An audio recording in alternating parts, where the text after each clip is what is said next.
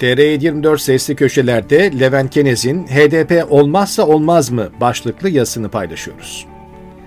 Altı muhalefet partisinin bir araya geldiği ittifakta HDP'nin olmaması en çok Erdoğan'ı kızdırdığına göre başlangıç için doğru bir strateji yürütüldüğünü söyleyebiliriz.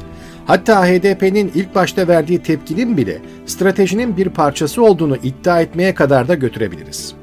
Erdoğan oldu olacak HDP'yi de alın, HDP'yi çıldırtıyorlar gibi tepkilerini eskiden daha zekice verirdi. İstediği malzemeyi vermeseler de aynı propagandayı yapmaya kilitlendikleri için onlar için bir şey değişmeyecek.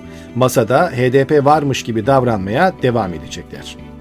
APO'dan mektup getirten, kırmızı bültenle aradıkları Öcalan'ın kardeşini TRT'ye çıkaracak kadar pervasızlaşan, bir sayın demedikleri kalan Öcalan için Demirtaş'ın işini bitirecek diye herkesten çok apocu olan adamlar elbette her türlü kirli propagandayı kimselere bırakmayacak.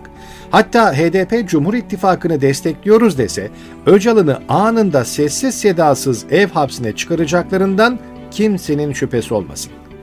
Gelelim ittifak toplantısında HDP'nin olmayışına. Hem masadakiler hem de HDP için gayet hayırlı olmuştur. Bir kere HDP'nin bizi niye almadınız demesine ihtiyacı yok. CHP ve İyi Parti dışındakilerin oylarının toplamı bir HDP etmiyor. HDP'nin oy oranının bu ittifaklara dahil olup olmamasıyla da ilgisi yok. HDP'nin bileşenleri oldukça farklı. HDP elbette bütün Kürtleri temsil etmiyor ama Kürt sorunu dediğimiz olgunun muhatabı olan Kürt siyasi hareketinin partisi.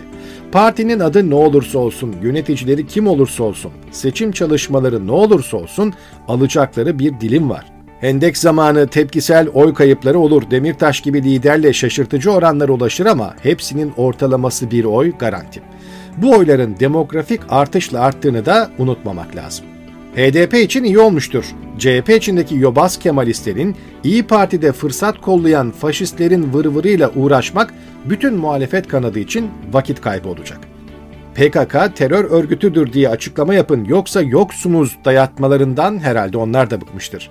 HDP'nin siyasetteki kendi özgül ağırlığı ayrı bir blok olarak Erdoğan muhalifleri için daha önemli. İttifak için iyi olmuştur. Aynı ithamlarla zaten karşı karşıya kalacaksak HDP de olsaydı demek de çok naif. İçinde HDP'nin olduğu bir ittifakı İyi Parti ile sürdürmek pek mümkün değil. Buna CHP içinde Kılıçdaroğlu'na muhalefet aracı olarak kullanacak kesimi de eklemek lazım. Şimdiden pazarlıkları yapılan, hatta bitmiş bir şekilde İyi Partili CHP'li birilerinin PKK ile ittifakı içime sindiremedim istifası takvime bağlanmıştır. Şimdi HDP'nin nasıl olsa bana muhtaçlar demesi de, ittifakın da sanki başka seçenekleri var demesi de yanlış olur. Defalarca Erdoğan'a yenilmiş bu partilerin bir kez daha hem de bu ekonomik şartlarda Erdoğan'ı devirememeleri, Erdoğan'a başarıdan ziyade bunların hanesine skandal olarak yazılır. Cumhurbaşkanlığı seçiminde HDP'nin kendi adayını çıkarması, muhalefet blokunun kendi adayı üzerinde çalışması anketlere göre seçimin ikinci tura kalmasını garantiliyor. HDP'nin ilk turda aday çıkarmaması durumunda Millet İttifakı adayının kim olduğuna bağlı seçimin ikinci tura kalıp kalmaması. Eğer seçim ikinci tura kalırsa HDP tabanının ezici bir çoğunluğunun Erdoğan karşıtı adaya yöneleceği tahmin ediliyor. Aynen İstanbul seçimlerinde olduğu gibi. Muhalefeti bekleyen iki tane büyük tehlike mevcut.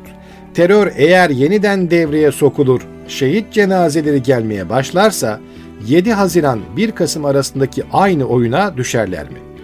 İkincisi de iktidarın APO üzerinden yapmaya çalıştığı şeyin Erdoğan'a oy verin olmayacağını düşünüyorum.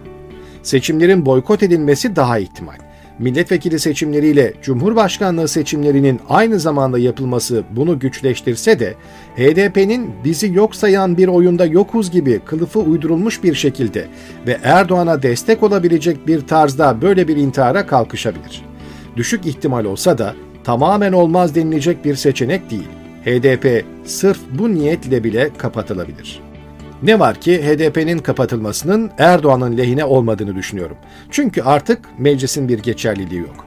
Eskiden HDP muadillerinin baraj sorunu yaşadığı zamanlarda bir anlamı vardı.